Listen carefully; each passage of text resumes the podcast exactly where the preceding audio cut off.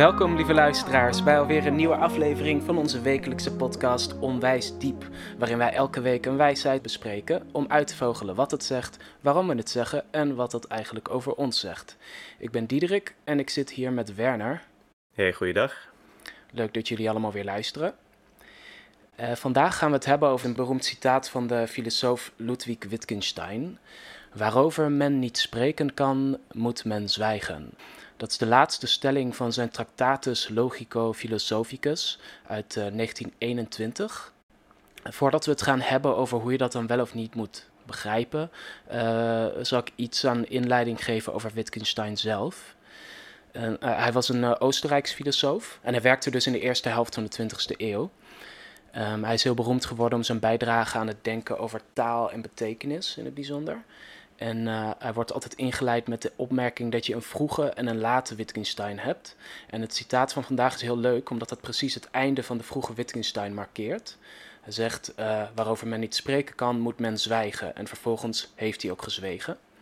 Dus dat is een soort conclusie ja. van zijn uh. Een, een, heel eerlijke vent was het. ja. ja, 17 jaar of zo heeft hij, is hij volgens mij docent geweest op een basisschool. Heeft hij hij was een heel strenge docent die heel veel sloeg. Dat weet ik ook. Uh...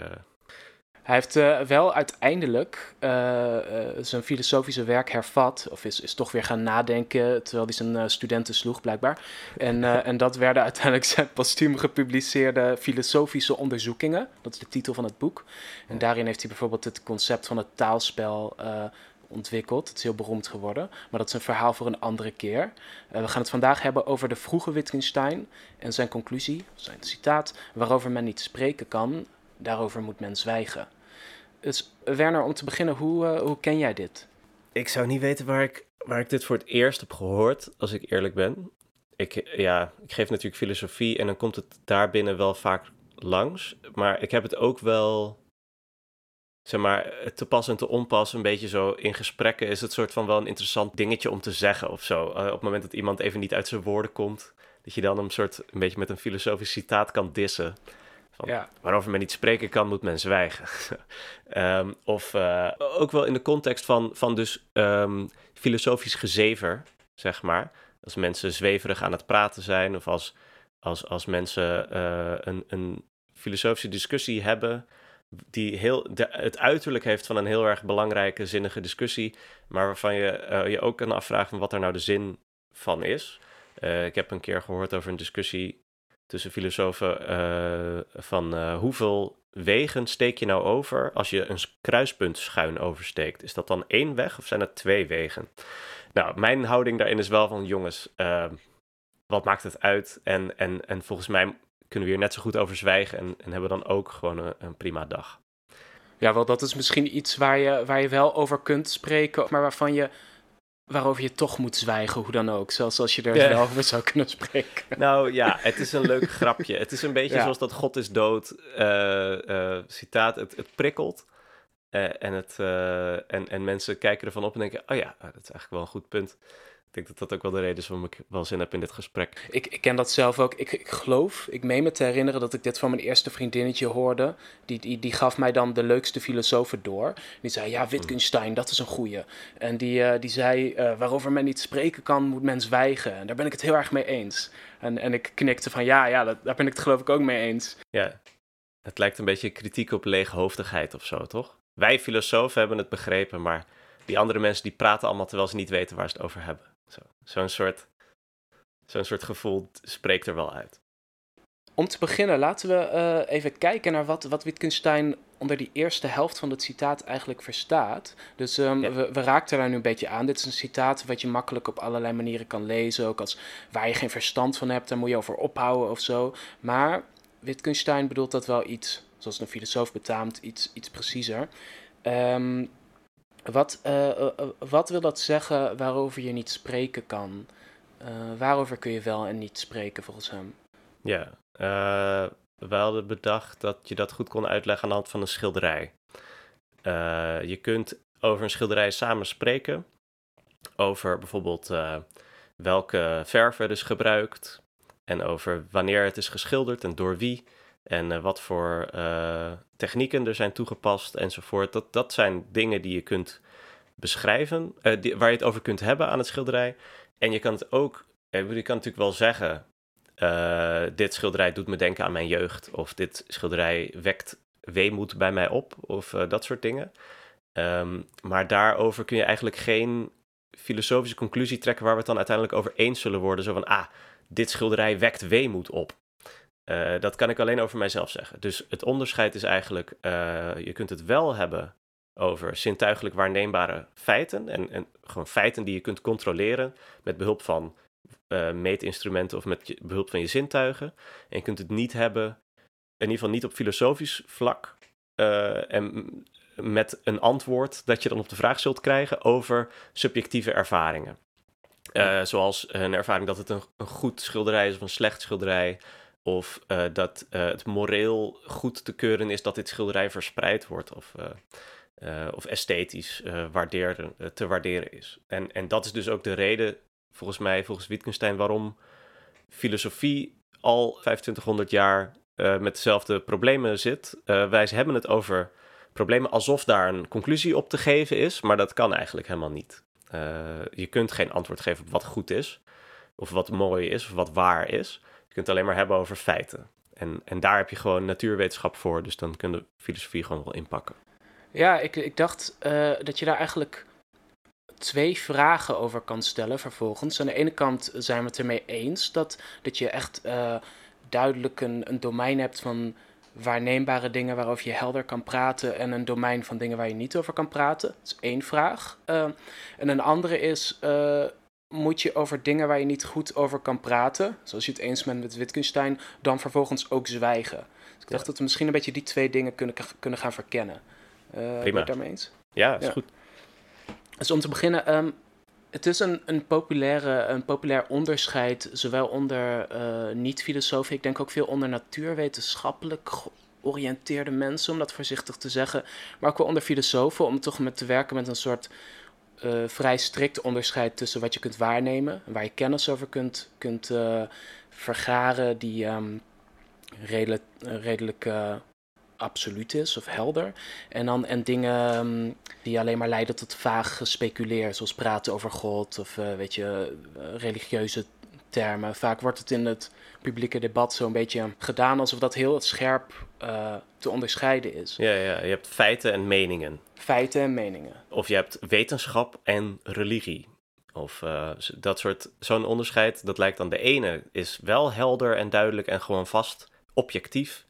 En de ander uh, dat is vaag en dat mag iedereen voor zichzelf bepalen. Dat is ook iets wat ik nog steeds in ieder filosofie-essay over een goed leven of over wat mooi is of zo terugzie bij mijn leerlingen.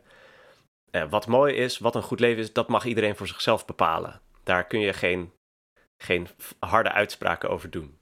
Ja, en, dat is ook wel, je merkt ook dat het onderscheid dan heel, um, ook heel erg onze, onze discussies uh, structureert. Zo, ik denk dan aan facts don't care about your feelings. Dus het gaat heel vaak over de relatie tussen gevoelens en meningen en feiten en hoe die relatie dan moet zijn. Moet je je meningen alleen baseren op feiten of zo? Maar dat gaat er de hele tijd van uit dat er dus een deel is. Uh, dat er een harde lijn tussen te trekken is. Ja. En zijn wij het daar eigenlijk mee eens? Of, uh... Nee, natuurlijk niet, Diederik. maar waarom niet? Ja, waarom niet? Wil jij beginnen? Jawel. Um, ja, dus uh, um, het onderscheid dat, uh, dat gemaakt wordt is iets tussen feiten die dan objectief zijn, of zo wordt het vaak uitgelegd, objectieve feiten en subjectieve ervaringen. Maar um, je kan ook, iemand kan tegenwerpen dat elk feit alleen maar subjectief wordt waargenomen, toch? Zo in de, in de geest, in het beperkte sfeertje van één uh, geest. Dus ook alles, alles wat ik zie aan concrete wereld, of meen te zien, um, dat is in de eerste plaats subjectief. En vervolgens ga ik daar iets over communiceren. Dus hoe, ja, waarom nemen we aan dat dat zoveel um, onomstotelijker is, of zoveel concreter? Dat is een vraag yeah. die je kunt stellen. Dus je bedoelt, uh, wij kijken allebei naar dezelfde rode poster en we zeggen allebei dat is rood, maar ik weet natuurlijk niet of wat jij ervaart exact dezelfde kleurervaring is als die ik heb. En uh, ik zeg dat is rood en jij zegt ook dat is rood, maar misschien ervaar jij iets dat ik groen zou noemen, Maar toch hebben we het erover alsof het een feit is dat die poster rood is. Is dat niet een grote verwarring geweest? Is het niet dat we allemaal in onze eigen schedel ook al die feiten zitten in plaats van in de werkelijkheid zelf? Ja. Zijn feiten niet ook een mening in die zin? Ja, omdat we niet. Je kan zo redeneren dat we uiteindelijk nooit de sfeer van ons eigen. Uh, ja, om het maar even bewustzijn te noemen, dus onze eigen subjectiviteit kunnen verlaten. Het moet altijd, uh, ja, alles wat er gebeurt, gebeurt daarbinnen. Ja. Um, nou ja, ik kan inderdaad tot op zekere hoogte niet in jouw schedel kijken, maar ik, ik, ik weet niet, vind jij dat verdedigbaar? Want ik ben wel geneigd om te zeggen, volgens mij kunnen wij het hartstikke zinvol hebben over dezelfde kleur rood en kunnen we dat ook allebei een feit noemen. Ja, maar de vraag is dan, daar ben ik het mee eens.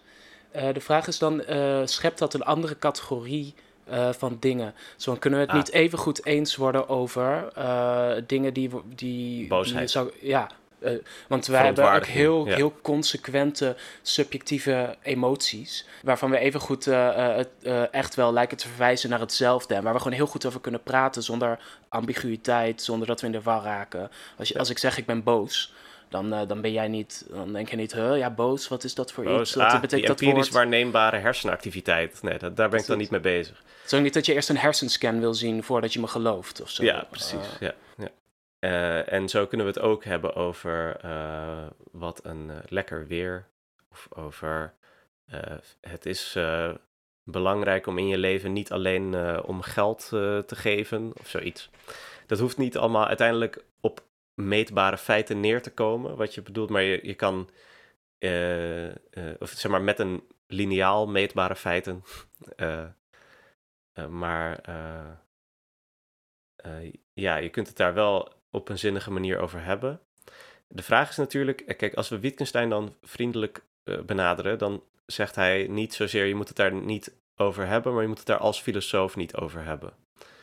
Ja. Maar misschien is het onderscheid sowieso al, al best wel problematisch. Gewoon omdat je, ja, nou, wat je zegt, enerzijds gebeurt alles in je hoofd, tussen aanhalingstekens.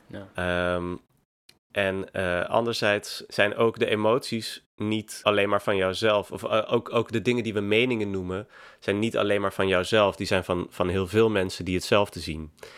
Uh, dat is een citaat waar ik toch waar we ooit vast nog wel eens over komen te spreken, maar dat vind ik heel erg mooi, van Heraclitus. Uh, zijn is dat waarvan iedereen zegt dat het is. Uh, of uh, de, de wereld is dat wat iedereen kan zien, waarvan we uit kunnen spreken dat het zo is. Dus we kunnen zeggen, dit toneelstuk was mooi. En dan spreken we elkaar aan en dan hebben we samen een mooi toneelstuk gezien. En dat is net zo feitelijk als de, het vliegtuig ging 300 km per uur of dat soort waarnemingen. Ja, precies. Omdat je toch, er lijkt soms een beetje in de. de uh, soms voelt het een beetje alsof de dingen op hun kop worden gezet. Alsof die feiten een soort van de eerste rol spelen in ons leven. Uh, terwijl ons sociale verkeer en onze tradities. Dat is waarin we leren spreken om te beginnen. Dat is waar we al onze woorden vandaan halen. Waar we het woord feit van hebben geleerd. Is dat niet ook een mooie uh, overgang eigenlijk naar het tweede deel van het citaat? Want daar wordt gezegd, uh, daarover moet men zwijgen.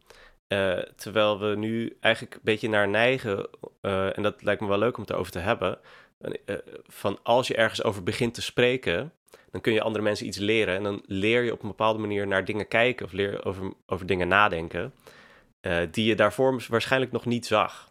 Um, dus als je daarover zou zwijgen, zoals Wittgenstein maand, dan lijkt je te zeggen: heb het maar niet meer over wat goed is.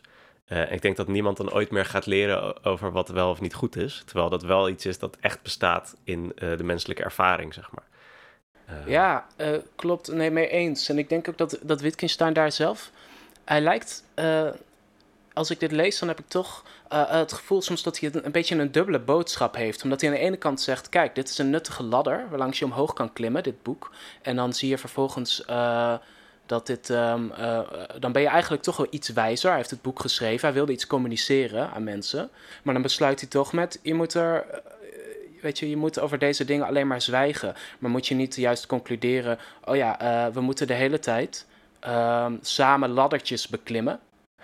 En um, dan weten we daarna, zelfs als je met Wittgenstein zegt dat je er nooit uit zal komen over bepaalde thema's, dus kunst, ervaring of het uitdrukken van onze diepste um, inzichten of onze diepste gevoelens van waardering voor, voor, voor wat dan ook. Ehm, kun je niet toch ja, samen daar in een soort proces doormaken. als je er toch over probeert te praten. En dan aan het eind. Um, nou ja, dat is misschien de vraag die we dan moeten beantwoorden. Wat zijn we daarmee dan rijker aan het eind? Weet je het daarmee eens of wil je het daar Wat heeft het voor zin om ergens over te praten? Als we toch al kunnen, zeg maar, als het, het, gedeelte waar je niet over kan praten, dat kun je eigenlijk al wel zien. Uh, of waar je, sorry, het gedeelte waar je wel over kan praten, dat kun je eigenlijk al wel zien. Dus dan hoef je er niet over te praten. En het gedeelte wat je niet gezamenlijk ziet, dat, daar kun je niet over praten volgens Wittgenstein, dus dan kun je er ook niet over praten. Wat voor zin heeft taal dan nog?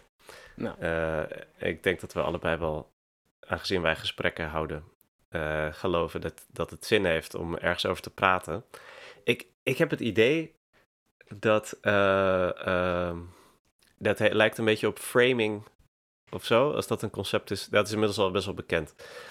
Um, je kunt als het ware door ergens over te spreken de aandacht van degene die naar je luistert een beetje sturen. Je kunt het hebben over een schilderij en dan kan ik het inderdaad hebben over de achtergrond ervan of over. Uh, maar kan ook zeggen, goh, ja, dit raakt mij heel erg hoe deze twee kleuren in balans staan. Ik vind dat heel bijzonder gevonden en dat doet mij ook denken aan de geschiedenis van deze, deze schilder die dat in de context deed van toen en toen. En ik denk ook dat het daarom een heel belangrijk schilderij is voor de cultuur. En ik denk ook dat het daarom heel goed is als als jullie iedereen gaan vertellen dat je dit schilderij hebt gezien of weet ik veel, dan, dan, dan creëer je daarmee wel een gezamenlijke belevingswereld. Uh, uh, in, uh, door alleen maar te praten over een stukje verf, zeg maar. Ja. Um, en ja, ik weet, ja, ik zei aandacht. Het kan je aandacht richten. Ik vind dat, ik vind dat, een, ik vind dat juist een, ja, ik vind dat een heel goed, aandacht is denk ik hier een heel goed begrip. Of omdat het een gesprek uh, richt de aandacht, maar ook het geeft richting. Het, je kan misschien niet uitvogelen um, door een, uh, een gezamenlijke filosofische of esthetische analyse. Um, het, het, het, eindigt misschien niet in feiten waar je het allemaal over eens kan zijn, maar het kan de deelnemers misschien wel in de richting wijzen. Dat klinkt bijna platoons, van waar, waar de het onbereikbare ligt, ongeveer. Uh, mm. Snap wat ik bedoel? Het, ja, bijvoorbeeld Het, het goede of het mooie. Of het... Um, nee, nu begin ik echt als een, uh, als een, als een, als een platonist te klinken. Kom maar gewoon uh, uit de kast. Ja, weet je waardoor dit komt? Ik las deze week toevallig Iris Murdoch en die probeert... Um, eigenlijk aan de hand van Plato opnieuw te kijken naar moraliteit. En haar, zij levert kritiek op de traditie die moraliteit probeert um, behavioristisch te maken en op, in termen van feiten, van meetbaar gedrag. En zegt, dat gaat, juist dat gaat allemaal aan het punt voorbij. Het is meer, en zij zegt dan, we meest, weten meestal wel ongeveer, om het duidelijk te maken dat het relevant is voor Wittgenstein, in welke richting um, het ware of het schone of het goede ligt. Zelfs zo kunnen we daar niet uh, terechtkomen. Uh, en uh, ja, ik weet niet of ze zegt daarover moet je praten. Nou, je kan het filosofisch gesprek kan wel helpen om ons een beetje in die richting te begeven. Ja, nee, de eis die, die Wittgenstein lijkt te stellen aan een antwoord is dat je het kan vaststellen en dat het dan voor altijd zo is. Terwijl uh, wat goed is, uh, uh, we leven in een wereld waarin ook de tijd voortkabbelt en allerlei dingen gebeuren die dingen veranderen aan wat goed is en wat, wat mooi is ook. Ja? De schoonheidsidealen van 200, 300 jaar geleden zijn gewoon anders dan nu. En die van nu zijn weer anders dan 30 jaar geleden. Um, en uh, uh, juist het spreken over het soort dingen dat we belangrijk vinden, want dat is toch vaak wel schone, goede, de dingen waar filosofie het over heeft. Uh, dat lijkt inderdaad niet zinvol. Kijk, als wij naar dat schilderij gaan kijken en, en wij hebben een mooi verhaal over de geschiedenis of over wat het belang ervan is, en uh, we hebben alle, punt, alle hoeken van het schilderij bekeken of zo. En jij gaat dan vervolgens aan iemand anders die er naar kijkt en een ander verhaal vertelt, vertellen dat hij het fout heeft. Dan heb je niet goed begrepen wat de bedoeling is van zo'n verhaal vertellen. Uh, het gaat dan niet om, om dingen vastleggen. Het gaat om uh, op manieren naar dingen kijken. of op, op, manieren uitleggen. Ik zei framing. Um, omdat, uh, omdat het iets te maken heeft met de associaties die je hebt. Als ik, op het moment dat ik zeg, zeg nou, even een flauw voorbeeld, maar als ik zeg hoofd, hoofddoekjesbelasting, dan klinkt het als iets heel erg negatiefs, wat ook een soort van raar is. En op het moment dat ik zeg kopvolle tax, dan is het ook heel naar, maar dan is het alsof ik het ook echt weiger te erkennen als een geloofsuiting. Ehm, en het alleen maar als iets vies in de openbare ruimte uh, lijkt te willen zeggen. en en dat, dan beschrijf ik als het ware hetzelfde feit, namelijk een bepaald bedrag dat je moet betalen op het moment dat je een bepaald kledingstuk draagt. Ehm, maar subjectief, zou je dan kunnen zeggen, wat mening betreft. Terwijl dat nou precies het belangrijke onderscheid is in de toon en de betekenis die het heeft. Zeg ik iets heel anders. En, um... Dus dan zeg je, sorry, dan, eh, dan, dan zeg je eigenlijk, of merk je op, de, um, het feit is leuk, maar uh, waar het eigenlijk altijd, wat eigenlijk altijd van belang is, zijn net die verschillende manieren om dat feit te, um, ja, nou ja, wat je zegt, beoordelen. te framen. Ja, te beoordelen inderdaad. Ja. De waarde die we aan dat feit he Ja. hechten. Of hoe we dat feit zelfs, om te beginnen, op welke manier we het in het gesprek ehm, inbrengen. Ja, en het is ook zo dat op het moment dat ik iets zeg, dan, dan geef ik daarmee ook een uitnodiging aan iedereen om een soort eh, ook te kijken op mijn manier ernaar. Dus dat begrip eh, van eh, Kant, van subjectieve algemeenheid. Op het moment dat ik zeg dit is mooi, dan zeg ik niet alleen maar dit wekt bij mij schoonheidsgevoelens op, maar ik wil daarmee ook zeggen iedereen zou dit mooi moeten vinden. En juist dat onderscheid tussen feit en mening zorgt er altijd voor dat we juist niet als het ware terugschrikken voor het invullen voor iemand anders of aan iemand anders vertellen dat, dat wat hij of zij doet niet goed is of niet mooi is, wat jij mooi vindt. Uh, terwijl ik zou zeggen dat dat wel iets is waar je het over kan hebben. En als je het erover hebt, dan leer je elkaar ook beter begrijpen. Ik bedoel, uh, ja, dus je zegt niet te snel grijpen naar, ja, smaken verschillen of Precies, dit is ja. maar een mening. Want ja. ja, het zelfs al is dat misschien wel een basale waarheid, dan betekent dat niet dat je, dat, dat de conclusie hoeft te zijn. Je wordt alsnog, kan alsnog wel wijzer worden uit nou ja, praten over waarom iets nou de moeite waard is om naar te kijken of de moeite waard is om te overwegen. Of, um, en waarom, daar kun je heel... En hoe je het anders kunt zien. Ja. Hoe je het anders kunt zien, daar kun je heel uitgebreide gesprekken over voeren. Zoals we overal om ons heen ook zien. Dat is onze hele cultuur bestaat uit zulke gesprekken, kun je ja. zeggen. Dan heb je een paar filosofen die zeggen, uh, ja, waarom, uh, jongens? Ja. beetje flauw misschien, maar... Ja, maar te dat verwachten dat er een antwoord is op, op, op, op het gesprek, zeg maar dat er een einde kan komen met behulp van feiten op het, het publieke debat over wat er uh, politiek gezien moet gebeuren of zo, dat is gewoon idioot.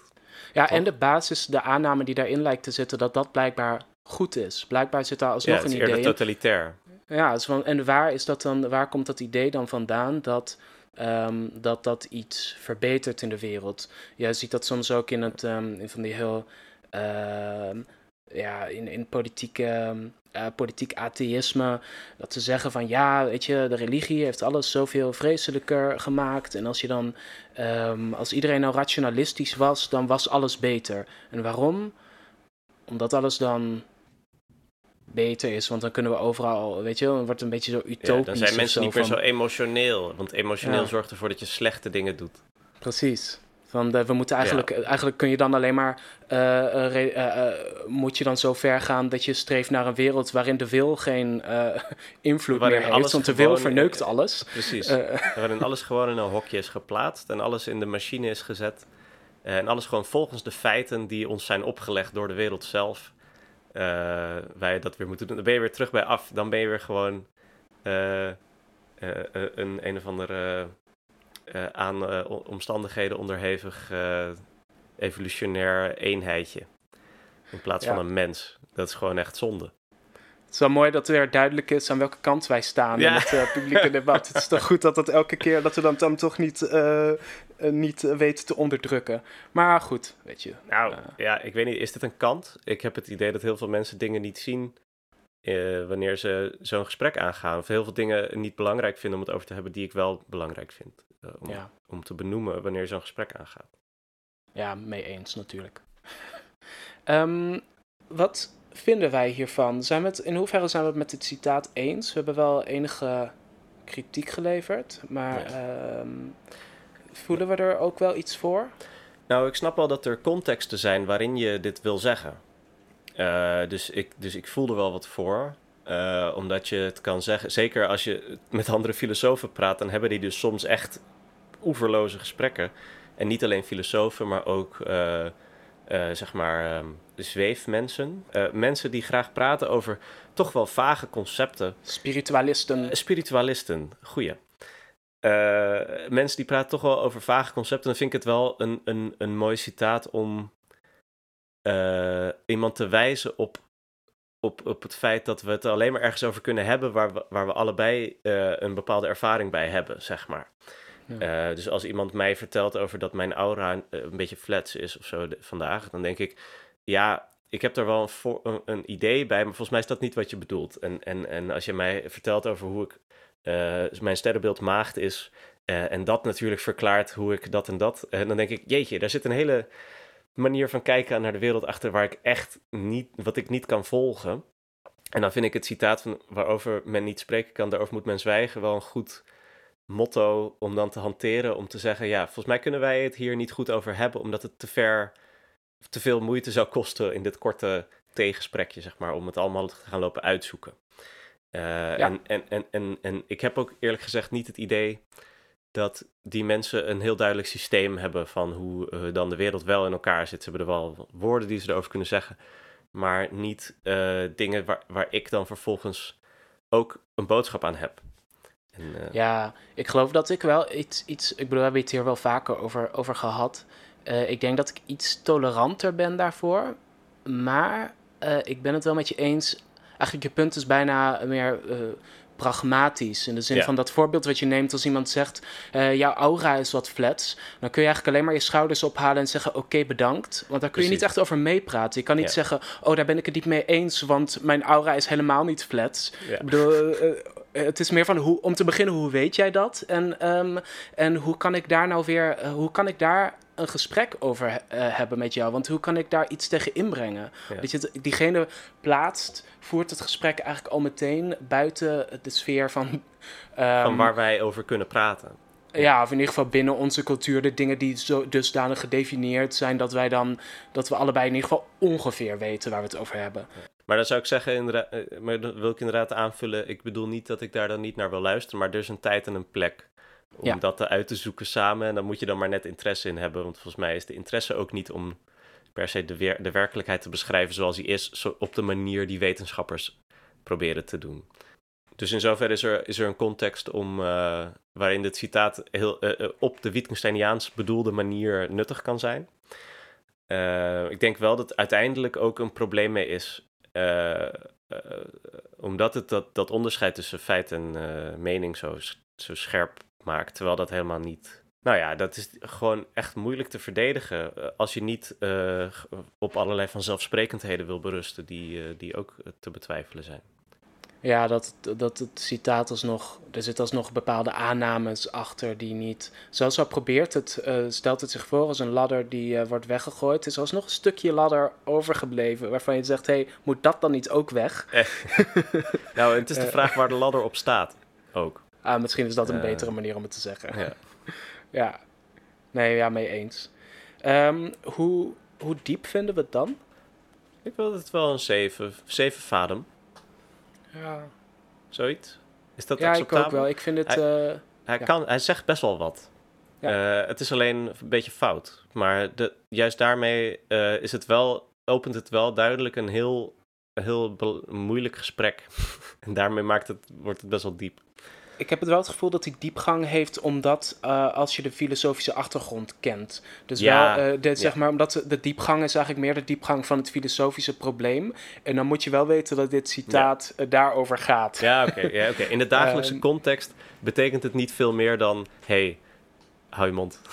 Ja, wat op zich ook, ook best een aardig citaat. Maar het is niet zo diep. Nee, oké. Okay. Nee, maar dan, oké, dan, dan laten we dan helemaal overboord. Dan is het een 3. Oké, dus nou oké, weet je wat? Een 3 of een 7, afhankelijk van hoe, uh, hoe coulant je bent met uh, hoeveel filosofische achtergrond je veronderstelt. Ja, is goed. wat, uh, wat gaan we volgende week doen? Ja, dat is mijn beurt. Laten we volgende week Confucius bespreken. geef me werk waar ik van houd en ik hoef nooit meer te werken. Dat lijkt me wel een goede om even op de schop te nemen, om het maar zo te zeggen.